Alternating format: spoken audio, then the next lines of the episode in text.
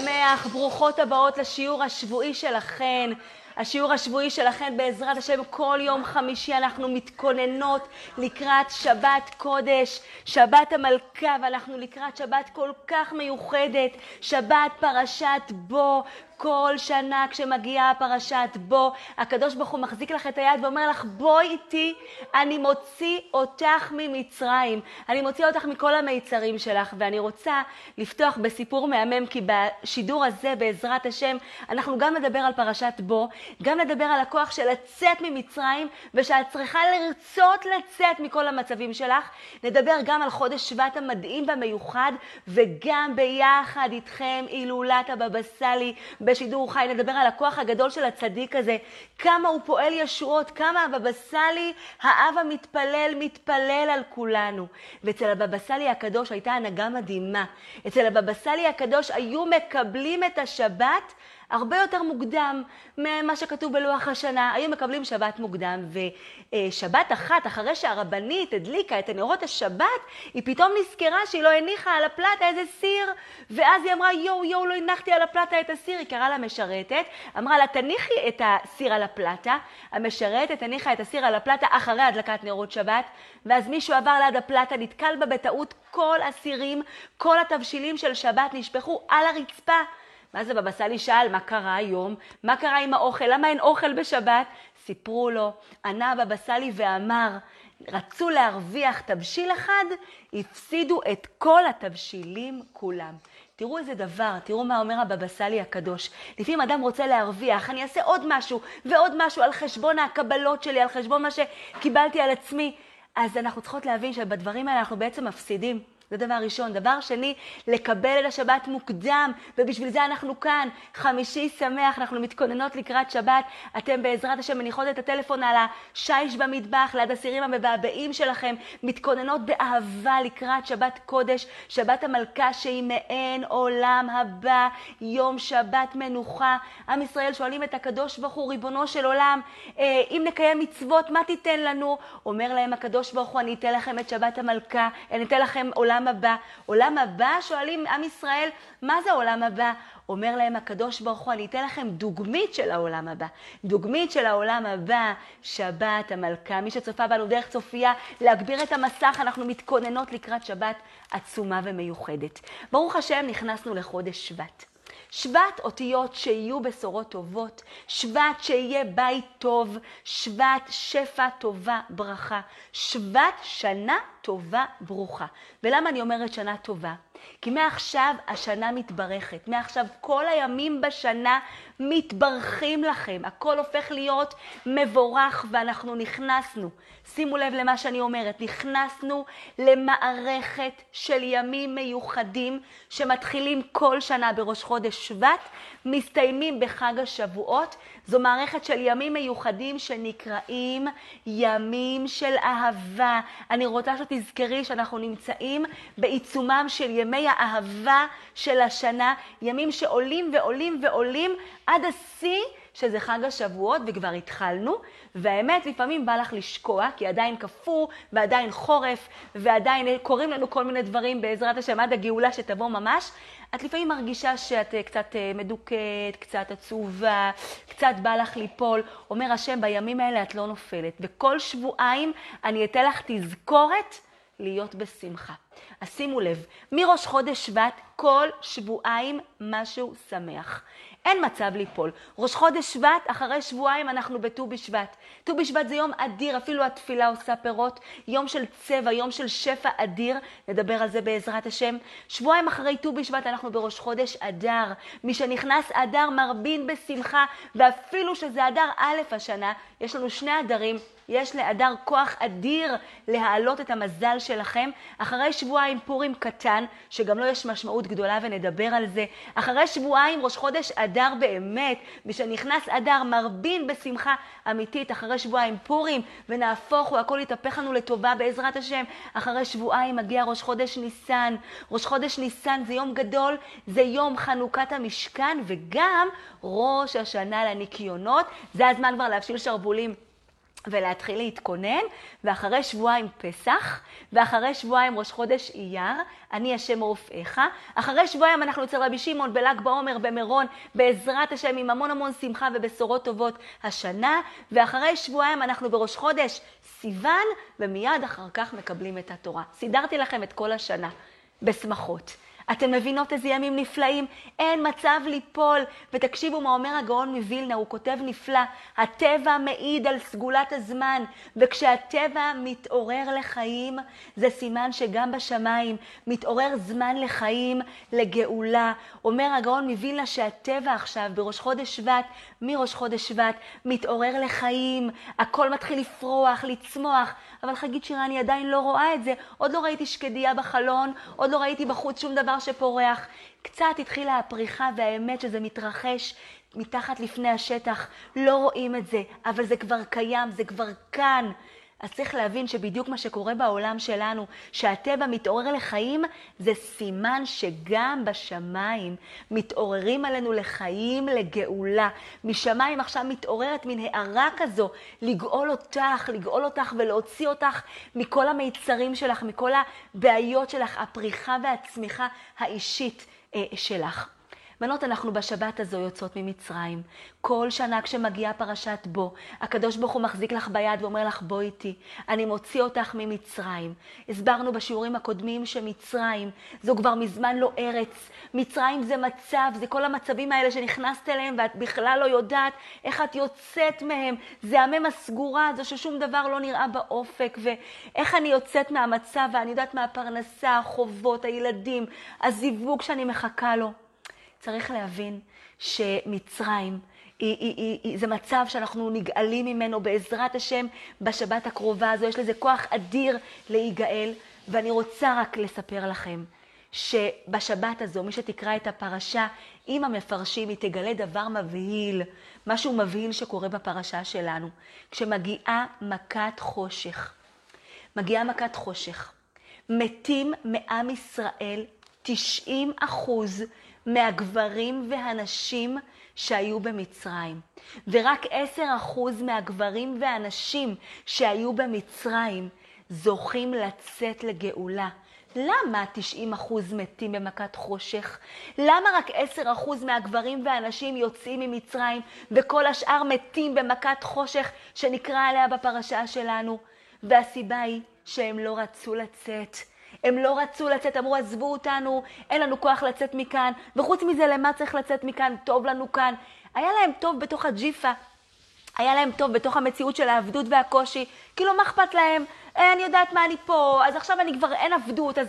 צריך להבין שאדם כדי להיגאל, הוא צריך לרצות לצאת. אם את לא תרצי לצאת, את לא תצאי ממצבים קשים. לפעמים את נמצאת במצב קשה, מצב שהוא לא טוב, ואת מתרגלת אליו. זה הדבר הכי נורא שיכול להיות בעולם. את לא מתרגלת.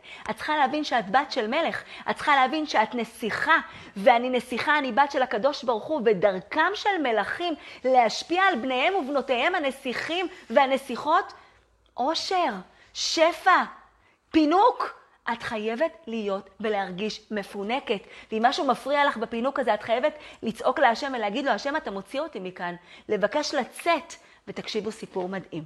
סיפור שימחיש לנו מה זה לבקש לצאת מהקדוש ברוך הוא. אז הסיפור הזה בעצם זה על תקופת השואה באירופה.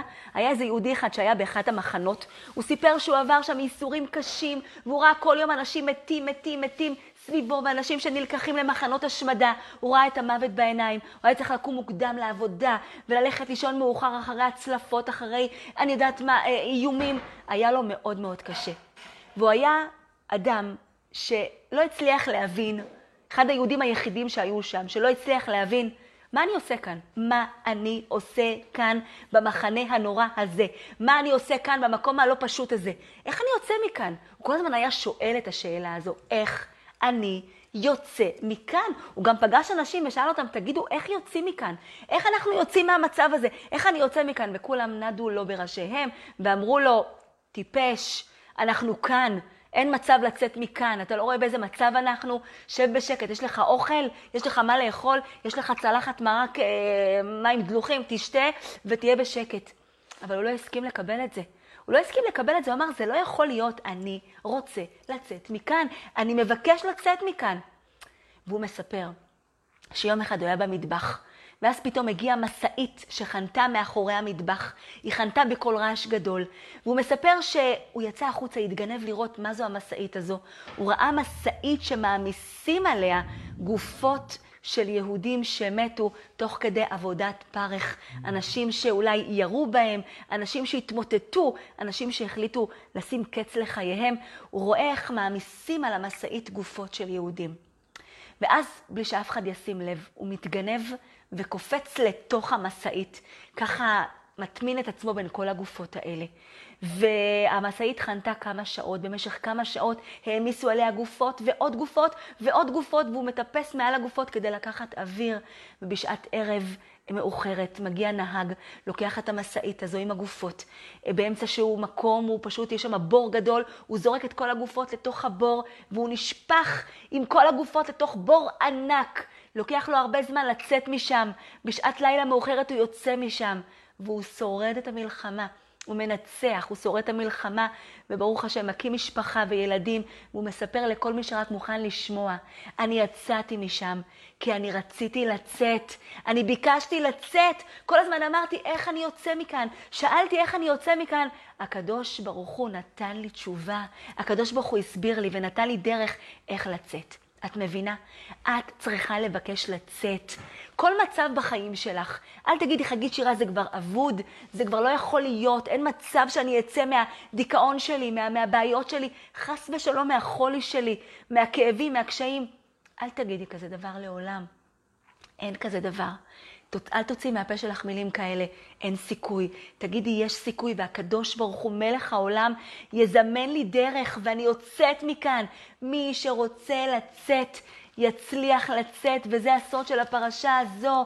את צריכה להחזיק לקדוש ברוך הוא ביד הפרשה הזו, וכשאת קוראת בתורה, בפרשת השבוע, שעם ישראל יוצאים ממצרים ביד חזקה, בזרוע נטויה, והקדוש ברוך הוא מוליך אותם על כנפי נשרים, את מרגישה את זה ממש בחיים שלך. כי את יוצאת בעזרת השם, לגאולה בעזרת השם. אנחנו הגענו לזמן אדיר, תתפסי אותו בשתי ידיים. ועכשיו, זה לא מספיק רק לצאת ממצרים.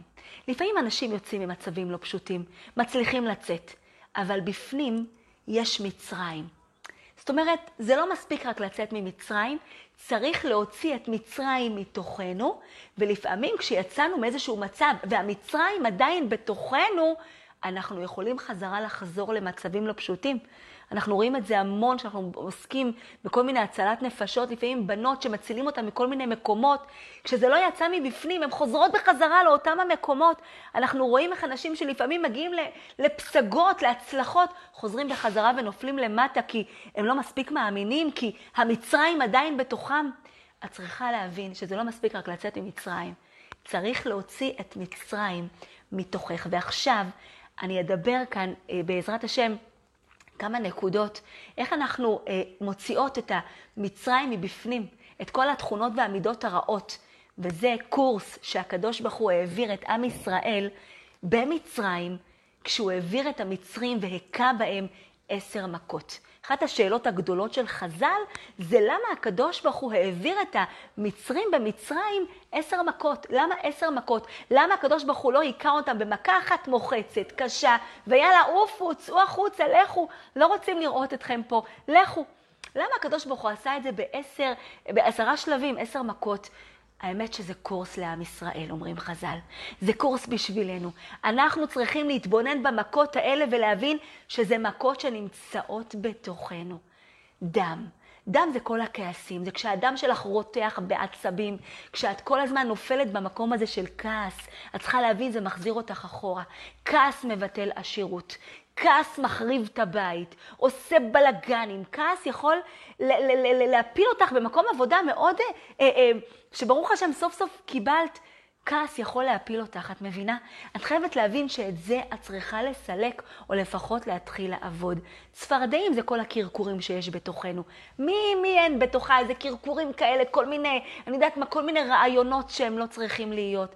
צריך לדעת להשתיק את כל הקולות האלה, הפנימיים, הלא נכונים שבתוכי. וקינים. קינים זה חוסר מנוחה. קינים זה אי קצוצים שעושים לנו חוסר מנוחה. כמה חשוב שאדם יהיה רגוע, ויהיה שלב, ויהיה מאמין. חוסר מנוחה זה תמיד חוסר אמונה. אני לא מספיק מאמינה בקדוש ברוך הוא באמת, שהוא יוציא אותי, שהוא יציל אותי, שהוא ייתן לי. את חייבת להכניס אמונה ולהיות רגועה, כמו שדיברנו בשבוע שעבר. לנשום, לנשום, לנשום, להכניס את הקדוש ברוך הוא, לנשום אמונה, להכניס את הקדוש ברוך הוא לתוך הריאות, לתוך הנשמה, לתוך הלב שלך. וערוב. ערוב זו, זה היו ערבוביה של חיות שהסתובבו במצרים. ונגסו ואכלו וטרפו את כל היושבים שם. חז"ל ממשילים את המידות הרעות של האדם לחיות רעות. בתוכנו מסתובבות חיות רעות, קנאה, שנאה, תחרות, פחד, דאגה, כל מיני מידות, אה, רצון לכבוד, כל מיני מידות שהן לא טובות, כל מיני תכונות שהן לא טובות. את זה אנחנו צריכים לסלק מתוכנו, לעבוד על המידות שלנו. זה מאוד חשוב, כי אדם יכול להגיע באמת לפסגות וליפול על איזה מילה שהוא אמר, על איזה תכונה לא טובה שיש לו, שהוא תמיד מביט החוצה ולא מתמקד במה שהקדוש ברוך הוא כן נתן לו. אז זה הרוב. מה זה דבר? דבר זה הבהמיות שבנו.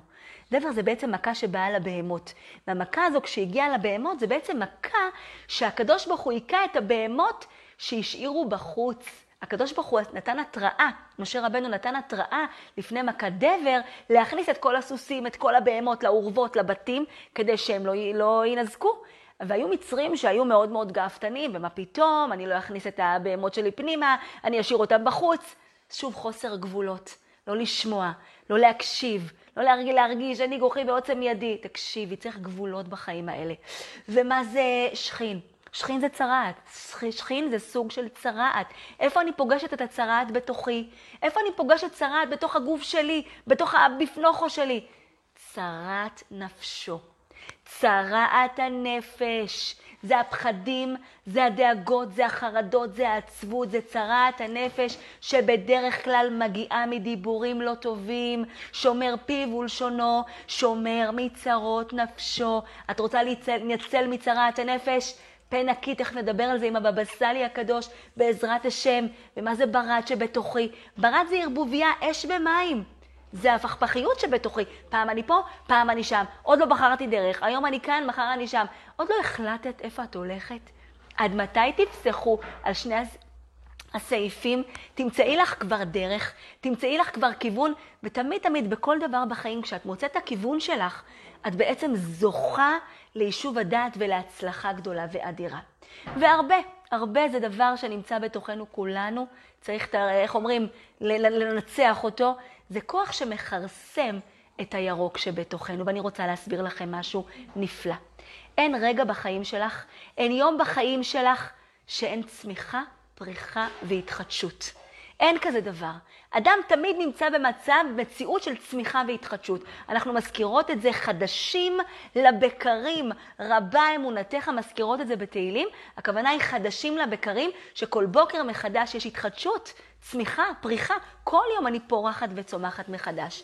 הרבה זה הכוח הזה שמכרסם בך את הכוח של הצמיחה שלך. הוא תמיד משתיק אותך, אומר לך, את לא יכולה לצמוח, את לא יכולה לפרוח, את לא יכולה להתחדש.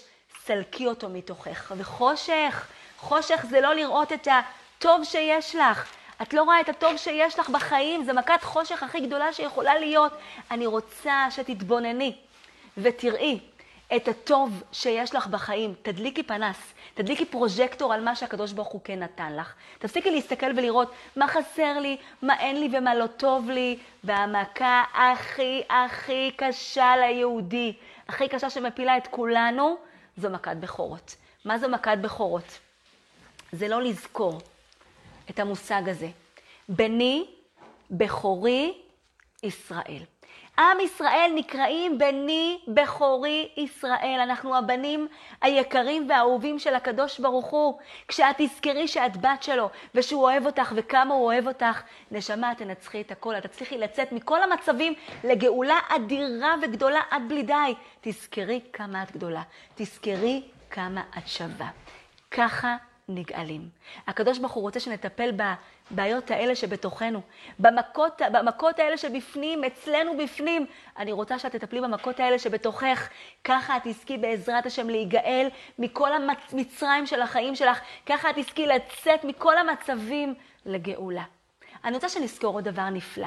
האות שמסמלת את חודש שבט זו האות צדיק, שעכשיו מתנוססת, מתנוססת בגאון ומשפיעה אורות גבוהים מאוד על החיים שלנו. האות צדיק בעצם זו האות שאם עכשיו אנחנו ניקח אותה מעל המילה מצרים, בואו ניקח את המילה מצרים, נרים רגע למעלה את האות צדיק, איזו מילה נגלה עכשיו? חשבתם? מרים. ברגע שאני מרימה למעלה את האות צדיק, אני מגלה את מרים. מה זו מרים? מרים זה הכוח שהיה במצרים, היא עברה מאישה לאישה, מאחת מאישה לרעותה, ועשתה להם שמח בתוך הלב. ואמרה להם, תתכוננו לגאולה, אנחנו נגאלות. תכינו תופים, שימו אותם בתוך הפקלחים שלכם, אנחנו יוצאים מכאן. זה הכוח של התקווה. זו מרים, והיא זוכה, ותיקח מרים, אחות אהרון, את הטוב בידה, ותצאנה אנשים בתופים ובמחולות. זה הכוח הגדול של מרים הנביאה. את מבינה? וצריך להבין שצדיק זה לצפות, צדיק זה לצמוח גם מתוך כאב, צדיק זה לצחוק. אני רוצה שתחייכי עכשיו, תזכרי את המילים היפות שאומר רבי שמעון בזוהר הקדוש. רבי שמעון בזוהר הקדוש כותב ואומר שמי שמחייך, מי שצוחקת עכשיו, מי שמחייך בעולם הזה, מחייכים אליו משמיים, מאירים לו פנים משמיים. את מבינה? כשאת מחייכת כאן בעולם הזה, מחייכים לך, מאירים לך פנים משמיים. אני רוצה שתצחקי עכשיו. תצחקי. זה סוד אדיר, אדיר. גם כשקשה, מצבים לא פשוטים, תני חיוך, אפילו כאילו, אפילו חיוך שבכאילו, את זוכה בעזרת השם לשפע גדול. וצדיק זה צדיק. זה החודש שמלמד אותנו להתחבר לצדיקים, להתחבר לצדיק ענק גדול מאוד. ואנחנו פוגשות בחודש הזה, בפתיח של החודש הזה, את הבבא סאלי הקדוש. ואנחנו עכשיו בעיצומה של ההילולה שלו בסייעתא דשמיא. ואני רוצה שתכינו עכשיו נר לכבוד הבבא סאלי. סידנה בבא סאלי, כי אנחנו הולכות לדבר עליו בעזרת השם יתברך.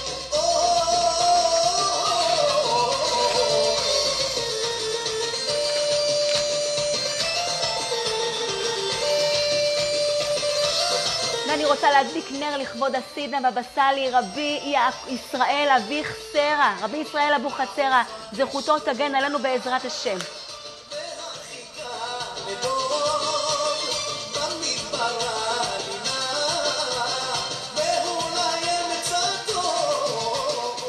בזכות הסידנה בבא סאלי, רבי ישראל אבוחצירא, שהקדוש ברוך הוא יזכה את כל הצופות שלנו כאן, בדף הנשים שלנו בפייסבוק, הידברות, בצופיה וביוטיוב וגם באתר הידברות. יזכה את כל הצופים ואת כל הצופות שלנו בעזרת השם, בשמחות, בישועות, בחודש טוב, חודש של ניסים גדולים בעזרת השם.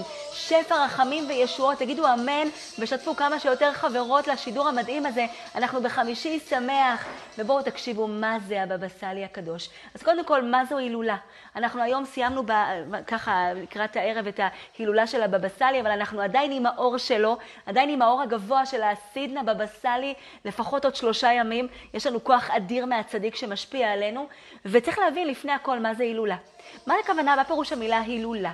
אז בא רב שמעון בזוהר ואומר, כשיש הילולה, אז פירוש המילה הילולה זה חתונה, וכשיש הילולה לצדיק, בשמיים עושים לו חתונה, ממש חתונה ושמחה. עכשיו צריך להבין שפעם, לא כמו היום, פעם כשהיו עושים אה, חתונה, אז בעל השמחה, מי שהיה עושה שמחה, היה עושה חתונה, היה עושה בר מצווה, היה עושה ברית מילה.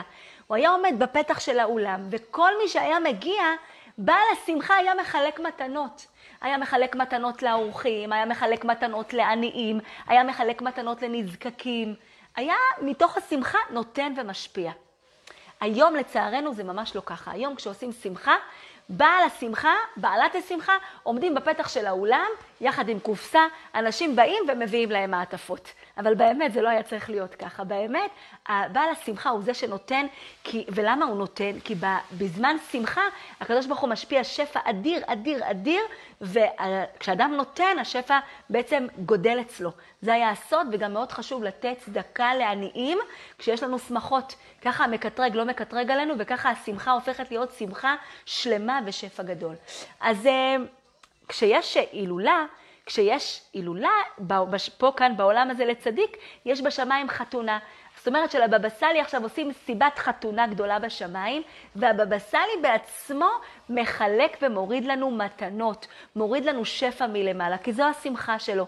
ולמי הוא מוריד מתנות? מספיק שתדליקו לו נר, או תקבלו קבלה לזכות הבבא סאלי, או אפילו שתדברו עליו, ואנחנו הולכות לעשות את זה עכשיו. אז קודם כל, מה זה בבא סאלי? מה פירוש המילה בבא סאלי? בבא סאלי הפירוש זה האב המתפלל. הבבא סאלי הקדוש, כל הכוח שלו היה בתפילה. הוא היה מתפלל עלינו, היה מתפלל על אנשים, היה מברך אנשים, והתפילות שלו היו פועלות והיו מתקבלות מאוד מאוד. עכשיו, פעם, הרב מרדכי אליהו, זכר צדיק לברכה, ניגש לבבא סאלי הקדוש, ושאל אותו, אמר לו, רבי, רבי, תגלה לי את הסוד שלך. איך יכול להיות שכל מי שאתה מברך אותו, התפילות שלך מתקבלות, וזה פועל ישועות. מה אתה עושה? מה הסוד שלך? שאתה מברך אנשים והם זוכים לניסים. אתם יודעות איזה ניסים היו אצל הבבא סאלי הקדוש? איזה ניסים? הוא היה מקים אנשים מכיסא גלגלים. היה נותן לאנשים לשתות ערק, אנשים היו קמים על הרגליים מתוך מקומות שחס ושלום חולאים קשים ורעים. אנשים זכו שהיה להם כסף בתוך הכיס שלא נגמר, ברכה בתוך הכיס. מוציאים, מוציאים, מוציאים, כסף לא נגמר. מה זה הברכה הזו? הרב מרדכי אליהו שאל את הבבא סאלי הקדוש, והבבא סאלי הקדוש ענה לו תשובה מדהימה. הוא אמר לו, תקשיב, כשאני הייתי, כשברוך השם, זה, זה זכות אבות, כאילו, אה, אבא שלי, סבא שלי, אה, יש לי, אני זכיתי בזכות אבות מאוד גדולה. הרב מרדכי אליהו לא הסתפק בתשובה הזו. אמר לו, זה לא יכול להיות, זה לא רק זכות אבות. תן לי תשובה. והוא עונה לו כך ואומר לו דבר נפלא. אומר לו הבבא סאלי את המשפט הבא: אה, לא יחל דברו ככל היוצא מפיו יעשה.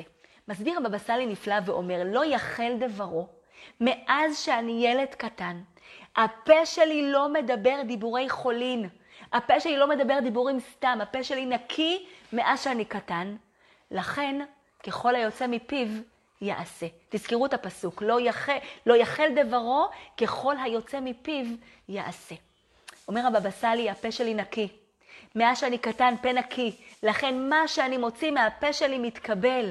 והבבא סאלי אמר לרב מרדכי אליהו, והכוח הזה של פה נקי, של כוח של ברכה עצומה, לא רק אצלי, זה יכול להיות אצל כל יהודי בעולם.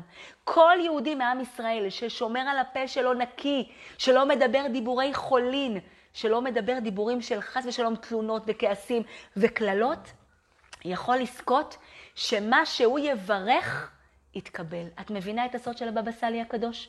את מבינה מה היה הסוד שלו? פה נקי. את חייבת להבין שכשהפה שלך נקי, התפילות שלך והברכות שלך מתקבלות. הרי אני באה לקדוש ברוך הוא עם פה, מתפללת, מבקשת, מברכת. אותו פה לא מזמן קילל, דיבר לשון הרע, חס ושלום דיבר דברי חולין, דברים שאסור לדבר. אז איזו מין תפילה זו? איזו מין ברכה זו. כמה חשוב שאנחנו נזכה להיות אימהות מברכות, שנזכה לברך אחד את השני, נזכה לחיות חיים מבורכים, כל הזמן להוציא מהפה דיבורים טובים ומילים טובות. להבין שהמילים שלי יוצרות מציאות. הזוהר הקדוש נותן לנו אה, באמת משפט מדהים. אומר רב שמעון בר יוחאי בזוהר על המילים בספר דברים. מי יעלה לנו השמיימה? אומר רב שמעון בזוהר, מי יעלה לנו השמיימה? זה ראשי תיבות מילה, סופי תיבות י' ק' ו' ק'. זאת אומרת, אומר רבי שמעון, מילה שאת מוציאה מהפה, מילה קטנה, מה כבר אני אמרתי? מילה כזו עולה לשמיים, ישר לידיים של הקדוש ברוך הוא, והקדוש ברוך הוא מוריד אותה לעולם כמציאות. אני רוצה שתתבונני בתמונת החיים שלך. את חייבת להבין שהיא בנויה מהמילים שלך. איזה מילים את מוציאה מהפה שלך?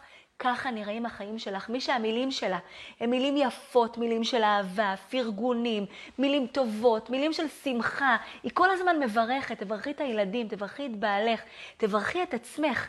מי שמוציאה מהפה מילים טובות, זוכה שתמונת החיים שלה ורודה ויפה. הכל אצלה מסתדר, הכל אצלה טוב. אבל מי שחס ושלום מוציאה מהפה מילים לא טובות, כל הזמן תלונות, כל הזמן קיטורים, כל הזמן אה, אין לי כוח, תכף תשמעו מהבבא סאלי, מה זה כוח אדיר של הודיה? אז מי שהמילים שלהם כאלה, תמונת החיים שלה קודרת. תמונת החיים שלה היא תמונה מאוד מאוד מאוד אה, אה, עצובה ומאוד מאוד אפורה. את חייבת כדי לזכות לתמונת חיים יפה, לתמונת חיים אה, אה, אה, ורודה, את צריכה לדבר דיבורים טובים בעזרת השם. רק תקדשי את הדיבור שלך, את יכולה לברך אנשים. תמיד אני אומרת, לברך אנשים כל אחת יכולה. כל אחת יכולה להגיד, להודות להשם, לשים ידיים ולברך, זה כוח שיש לכל אחת מאיתנו. אבל הכל תלוי בפה, הכל תלוי בפה, שכמה שיותר מדבר דברי תורה, כמה שיותר תפילה, כמה שיותר ברכות, כך פה כזה יכול בעזרת השם לברך. אז עכשיו בואו נתחיל. בעצם מי היה הבבא סאלי? מאיפה הגיע הבבא סאלי? ומה פירוש השם הזה, השם המשפחה הזה, המוזר הזה, אבוחצירא? אנחנו היום בשבילנו זה כבר לא מוזר, זה שם קדוש מאוד, אבוחצירא, משפחת אבוחצירא, משפחה שידועה ככה בקדושה שלה, אבל בהתחלה, מה זה היה? מאיפה זה הגיע? והתשובה היא כזו שלפני 400 שנה היה לרבי חיים ויטל תלמיד שקראו לו רבי שמואל אלבז. רבי שמואל אלבז היה תלמידו של רבי חיים ויטל, הוא היה אדם קדוש, היה אדם פרוש, היה אדם צדיק מאוד, ויום אחד הוא רצה לנסוע מארץ ישראל לטורקיה. ואז הוא הגיע לנמל והגיע שם לרב החובל, שם על הספינה לטורקיה. הוא ביקש ממנו, בבקשה, אני יכול לעלות על הספינה, אני רוצה להגיע לטורקיה. רב החובל כמובן ביקש ממנו אה, תשלום. אמר לו רבי שמואל אלבאס, תקשיב, אני אין לי כסף, באמת, המצב שלי קשה, אני עני, אני מבקש ממך, אולי תואיל בטובך, בבקשה להעלות אותי על הספינה. רב החובל אמר לו, לא יקום ולא יהיה, אין כזה דבר, לעלות על ספינה בלי לשלם, אתה לא עולה לספינה. הרב שמואל אלבז התחנן ואמר לו, בבקשה, כשנגיע, אולי אני אאסוף כסף, אני אשלם לך. אמר לו רב החובל, לא יקום ולא יהיה. מה עשה הרב שמואל אלבז? רבי שמואל אלבז הצדיק, הייתה לו מחצלת קטנה, הוא פרס את המחצלת שלו מאחורי הספינה. הוא התיישב על המחצלת ופתח ספר והתחיל ללמוד תורה. הוא למד תורה בנחת, הוא למד תורה באמונה, שבעזרת השם הכל יהיה בסדר. הוא צריך להגיע לטורקיה, והקדוש ברוך הוא יביא אותו לטורקיה. והנה הספינה שלנו מתכוננת לנסיעה, והנה פתאום טו ארוך, האונייה מרימה עוגן, מתחילה להפליג, והמחצלת של הרב שמואל אלבז, כשהרב שמואל אלבז נמצא על המחצלת, מתחילה לשוט אחרי הספינה. אף אחד לא רואה את זה כרגע. עד שרב החובל לוקח את המשקפת שלו ומסתכל מסביב לראות מה קורה, פתאום הוא רואה את הרב שמואל אלבז, את האיש הזה שהתחנן לנסוע בספינה, הוא רואה אותו נוסע אחרי הספינה על גבי מחצלת. הוא הבין שזה איש קדוש. הוא התחיל לצעוק אליו, אומר לו, בוא אדוני, בוא, אני יודע שאתה איש קדוש, תסלח לי, תסלח לי, בוא תעלה על הספינה. אמר לו הרב שמואל אלבז, לא, לא, לא, לא, לא, בשום פנים ואופן. עכשיו אני כבר לא אעלה על הספינה. ומאז, מאז, מאז, החליפו את שם המשפחה שלו מאלבז לאבו חצירה.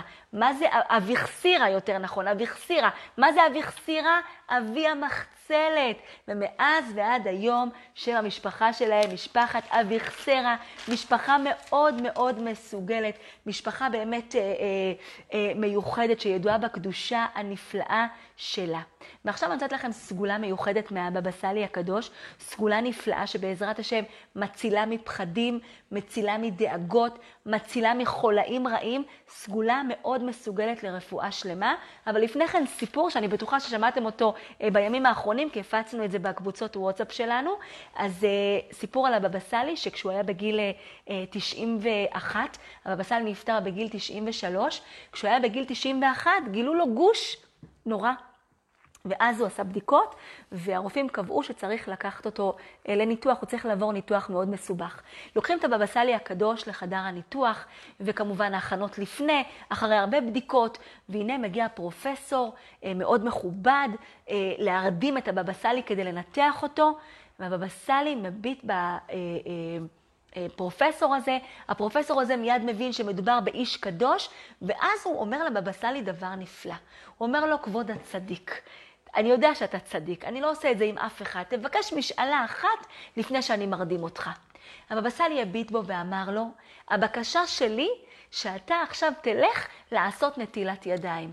נטילת ידיים, זו הבקשה שלך? אומר לו הבבא סאלי, כן. מגיע השמה של הבבא סאלי, לוקח את הרופא הזה, הפרופסור הזה, עושה לו נטילת ידיים כהלכה.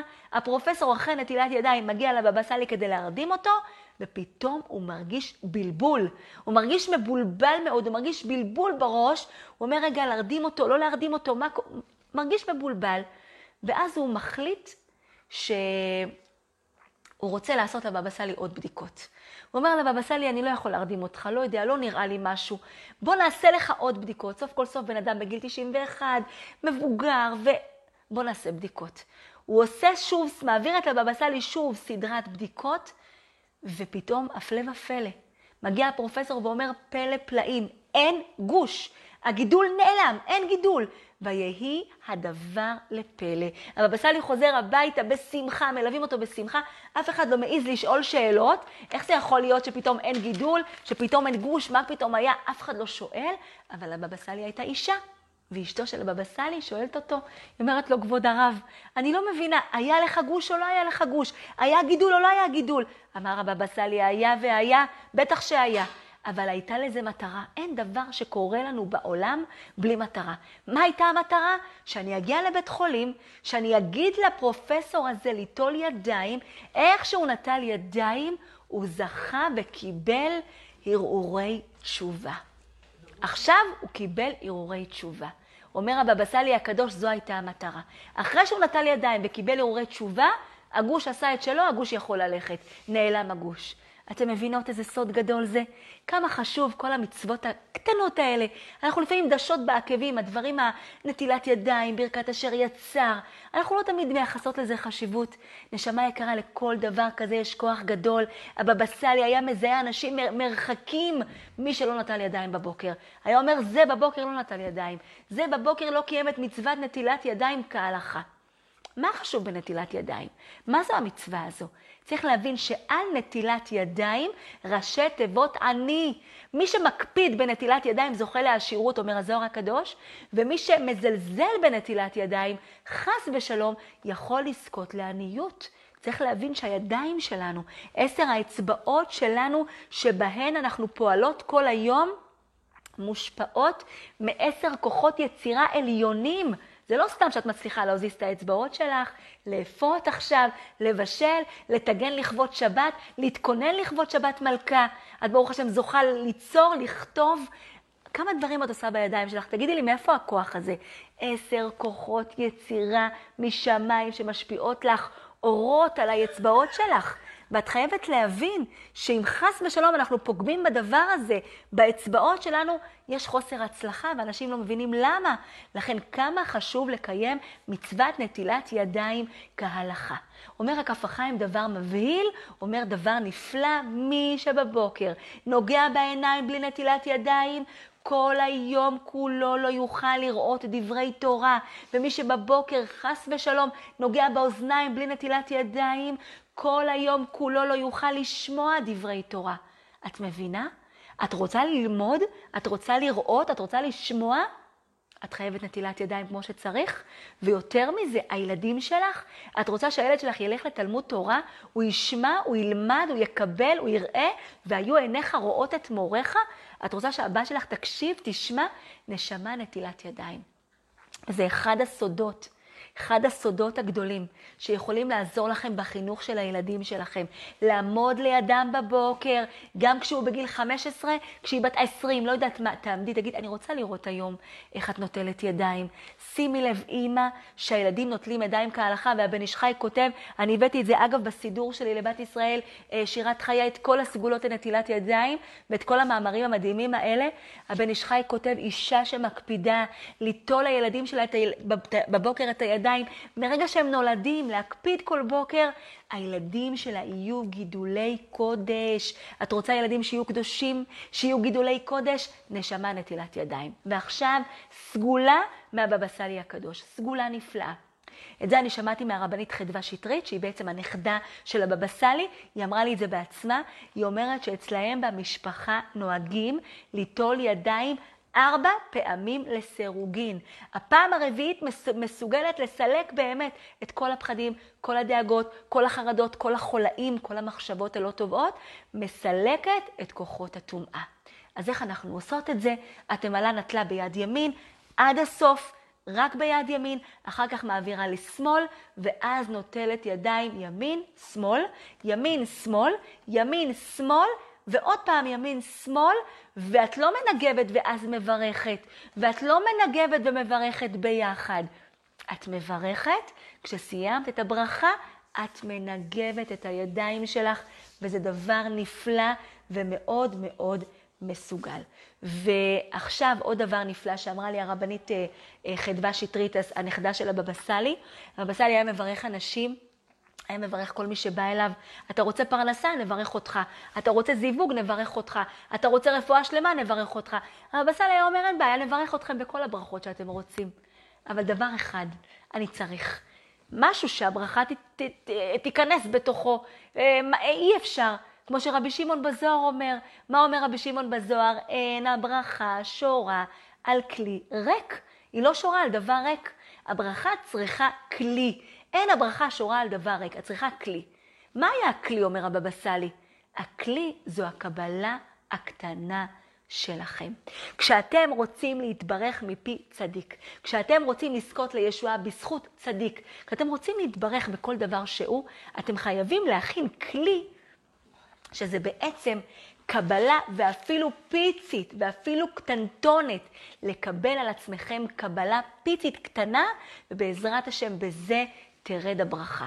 אז מה שצריך לעשות היום, ביום הנפלא הזה, בימים המדהימים האלה, בין הילולת הבבא סאלי לשבת פרשת בו, שאנחנו יוצאות ממצרים בעזרת השם, כדי לצאת באמת, זו קבלה קטנה. לפני שאת מדליקה את נרות השבת, השבת הזו, אני רוצה שתדליקי עוד נר אחד, לכבוד הבבא סאלי הקדוש. אנחנו צריכים את הכוח של הבבא סאלי עכשיו, בימים האלה, כמה שיותר. תדליקי נר, ולפני שאת מדליקה את הנר, תגידי לו, כבוד הצדיק, זכות הבבא סאלי הקדוש, רבי ישראל אביחסרה, כמו שאומרים במרוקאית, אני מקבלת על עצמי קבלה קטנטונת. הבבא סאלי לא ביקש קבלות גדולות, אנחנו לא רוצים קבלות גדולות, קבלות מעייפות, קבלות מתישות, קבלה פיצית, קטנטונת, קטנה קטנה, אבל קבלה בעזרת השם, העיקר משהו קטן, ובעזרת השם זה ישפיע עליכם לישועות גדולות בעזרת השם.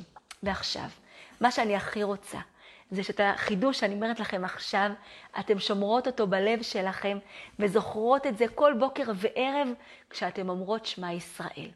כתוב בזוהר הקדוש בפרשת בלק דבר נפלא. שכמה חשוב לכוון בשמע ישראל, השם אלוקינו, השם אחד. אנחנו עושות את זה כאן מדי פעם בשידור שלנו, נכון? אנחנו לומדות להגיד שמע ישראל, להדגיש את העין, להגיד שמע, לא להגיד שמע, אוקיי? לא ש, אלא ש, ואז להדגיש את העין, שמע ישראל, השם אלוקינו, השם אחד. אנחנו אומרות אחד, אנחנו מכוונות, א', שהקדוש ברוך הוא יחיד ומיוחד, ח', הוא מולך בשבעה רקיעים. ובארץ, וד' שהקדוש ברוך הוא מולך בארבע רוחות העולם. זה מאוד חשוב לכוון. אבל בא רב שמעון בזוהר ואומר לנו עוד דבר מדהים.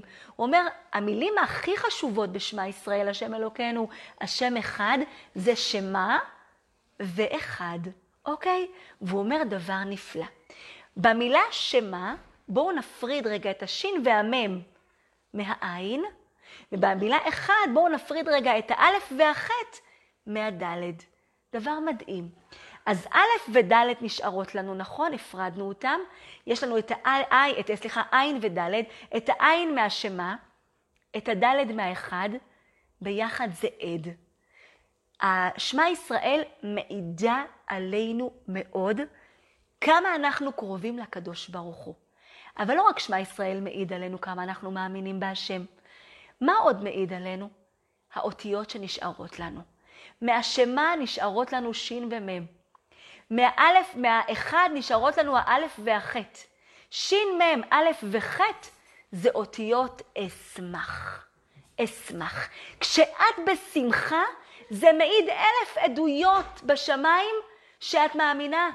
את מבינה? שאת אומרת שמה ישראל השם אלוקינו השם אחד באמונה, זה מעיד על הכוח של האמונה שלך. וכשאת בשמחה, כשאת אשמח, זה מעיד על האמונה שלך. והבבא סאלי הקדוש כתב פיוט מהמם. הוא כתב את הפיוט, יודו לך רעיוני, השם רואי. יודו לך רעיוני. ומה הפזמון של הפיוט המיוחד הזה? אשמח בך, אשמח בך, אשמח בך גואל נפשי, אשמח בך גואל נפשי, גאולת עולם. מה זה אומר הדבר הנפלא הזה? אומר הבבא סאלי הקדוש, כשאת אשמח, כשאת שמחה במה שהקדוש ברוך הוא נותן לך, אשמח בך, גואל נפשי. כשאת שמחה, הקדוש ברוך הוא גואל אותך, גואל את נפשך, גואל אותך ומביא לך ישועות. את רק צריכה שמחה. זה מה שהבבא סאלי רוצה. אשמח בך, גואל נפשי. אומר הבבא סאלי הקדוש, נשמה, את תהיי בשמחה, את תזכי לגאולה, גאולת עולם. אז הנה ראינו עוד סוד גדול דווקא בפרשה המדהימה הזו, פרשת בו הנפלאה והמיוחדת. אנחנו רוצות לצאת ממצרים, אנחנו רוצות בעזרת השם לזכות להיגאל. אנחנו צריכות רק דבר אחד, אנחנו צריכות שמחה שתהיה לנו בתוך הלב שלנו. ואנחנו הולכות לעשות את זה עכשיו ביחד. אשמח בך. בואו נשמח בקדוש ברוך הוא. תפתחי עכשיו ידיים כלפי שמיים. בואי ביחד איתי, תגידי תודה לבורא עולם. תגידי לקדוש ברוך הוא תודה על כל מה שיש לך. תגידי לו, אשמח בך, השם, אני שמחה בכל מה שאתה עושה איתי. אני שמחה בכל הטוב, בכל השפע שאתה מעביר עליי בחיים האלה. נכון שזה קשה קצת, וזה לא הולך, ולא בדיוק בדיוק הכל מסתדר, אבל סוף כל סוף, כשאת לא, לא, לא, לא, ככה תסלקי את מכת חושך, תדליקי פנס במה שכן יש לך. אשמח בך, את תזכי לגאולה גדולה. בואו נגיד תפילת תודה. תפתחו ידיים. תעצמו את העיניים, תפתחו את הלב ותחזרו אחריי. תודה לך, בורא עולם, על כל מה שנתת לי, על כל הפעמים שעזרת לי, ועל כל מה שיש לי בחיי. אתה, שפוקח את עיניי בכל בוקר, ומחזיר לי את נשמתי באהבה, ונותן לי כל יום מחדש את מתנת החיים. אתה, שנושא אותי על כפות ידיך הרחומות, עטופה באהבה ובהשגחה אינסופית. כל מה שיש לי בעולם, הכל זה ממך, בורא עולם. והכל, הכל בסופו של דבר יחזור אליך, בורא עולם. תודה, אבא, על הטוב, תודה על הבריאות, תודה על המשפחה. תודה על הילדים, תודה על הנכדים, תודה על מאור עיניים, תודה על חיוך שפתיים, על טעם, על ריח, על יופי, על כוח. הכל זה ממך, הכל זה רק אתה, אבא. אני עפר ואפר, ואתה כל העולם. מאמינה בך, אוהבת אותך. ולא יודעת איך ובמה להחזיר לך. אנא, ריבונו של עולם, אל תעזוב אותי לעולם. ועכשיו עם העיניים העצומות שלך, עם הידיים הפתוחות שלך, אני רוצה שתגידי לקדוש ברוך הוא תודה גם על הדבר שהוא הכי קשה לך. תגידי לו תודה גם על הדבר שהוא הכי כואב לך. כן, גם על הדבר שאת הכי הכי מחכה לו. תגידי לו, אשמח בך. אשמח בך גואל נפשי, אשמח בך אל עולם, השם אני שמחה בכל מה שאתה מעביר אותי, כי הכל זה לטובתי.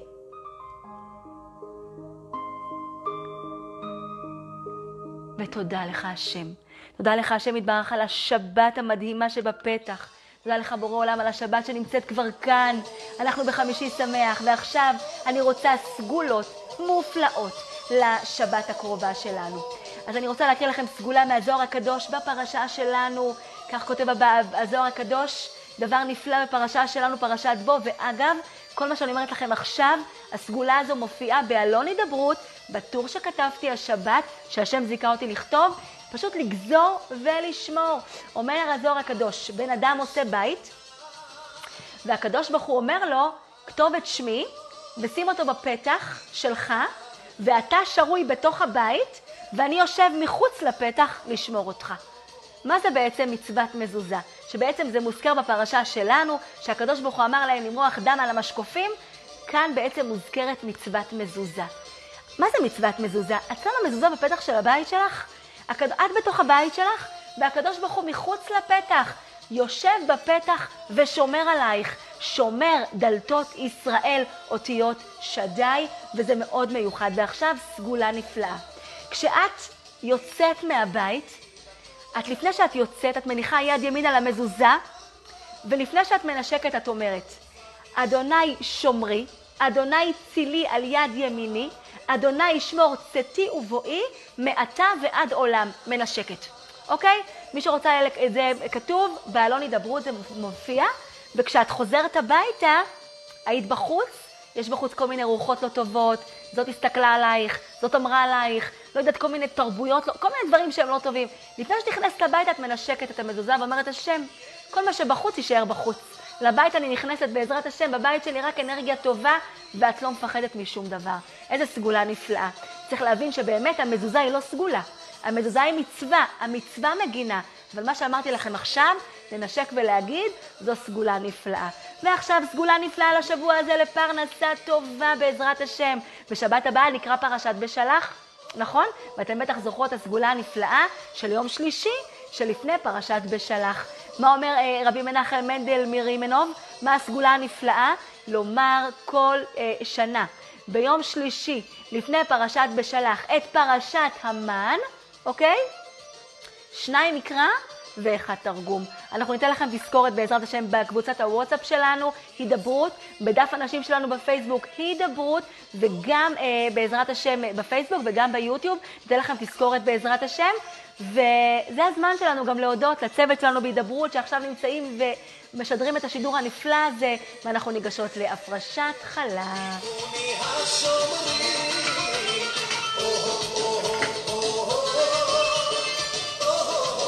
הרבה שמח, הרבה שמח. איזה ריח. אין כמו ריח של בצק, אין כמו ריח של חלות. בצק זה אותיות קבץ. אנחנו מקבצות לתוך הבצק את כל התפילות, את כל האיחולים, את כל המשאלות, ומה שמיוחד, שזה טופח לנו. יהי רצון שהקדוש ברוך הוא יטפיח לנו שמחות, תגידו אמן. ויטפיח לנו ישועות, תגידו אמן. ויטפיח לנו את הפלוס בבנק בעזרת השם. וכל מי שרוצה להרזות תרזה. וכל מי שרוצה לטפוח, תטפח. אבל הכי חשוב שהאחדות עם הלחיים שלכם תהיינה תפוחות מתוך שמחה. תיקחו את הבבא סאלי איתכם כל השנה, אשמח בך. לחיים תפוחות, אשמח בך. אל עולם, אשמח בך גואל נפשי. יגאל אותנו בעזרת השם, בואו נתחיל, ויהי נועם אדוני אלוהינו עלינו, ומעשה ידינו כוננה עלינו, ומעשה ידינו כוננהו, ויהי נועם אדוני אלוהינו עלינו, ומעשה ידינו כוננה עלינו, ומעשה ידינו כוננהו ברוך אתה, אדוני, אלוהינו מלך העולם, אשר קידשנו במצוותיו וציוונו להפריש חלת תרומה. הרי זו חלה, וכל הרווקות, כל מי שרוצה לזכות בעזרת השם בקרוב, תזכנה להיות קלות. הרי זו קלה, יהי רצון מלפניך. אדוני אלוהינו ולאבותינו, שיבנה בית המקדש במהרה בימינו, ותן חלקנו בתורתך, ושם נעבדך ביראה, כי מי עולם וכשנים קדמוניות. וערבה לאדוני, מנחת יהודה וירושלים, כי מי עולם וכשנים קדמוניות. יהי רצון מלפניך, אדוני אלוהינו ולאבותינו, שהמצווה של הפרשת חלה תחשב לנו כולנו כאילו קיימנוה בכל פרטיה ודקדוקיה. תחשב הרמת החלה שאנו מרימות, כמו הקורבן שהוקרב על המזבח שנתקבל ברצון, וכמו שלפנים הייתה החלה נתונה לכהן, והייתה זו לכפרת עוונות, כך תהיה לכפרה לעוונותינו, ואז נהיה כאילו נולדנו מחדש, נקיות מחטא ועוון, ונוכל לקיים מצוות שבת קודש, והימים הטובים עם בעלינו וילדינו. להיות ניזונים מקדושת הימים האלה ומהשפעתה של מצוות חלה. יהיו ילדינו ניזונים תמיד מידיו של הקדוש ברוך הוא ברוב רחמיו, ברוב חסדיו, ברוב אהבה, ושתתקבל מצוות חלה כאילו נתנו מעשר, וכשם שהננו מקיימות מצוות חלה מכל הלב, כך יתעוררו רחמיו של הקדוש ברוך הוא לשומרנו מצער וממכאובים כל הימים. ועכשיו תגידו אמן. וזה הזמן שלכם לעצום את העיניים, פשוט לבקש ולהתפלל. לבקש מהקדוש ברוך הוא כל מה שאתם רק רוצות. לבקש מאבא שבשמיים שפע גדול, רחמים גדולים, נחת, בעזרת השם, שמחות, בעזרת השם, תעצמו את העיניים, לבקש.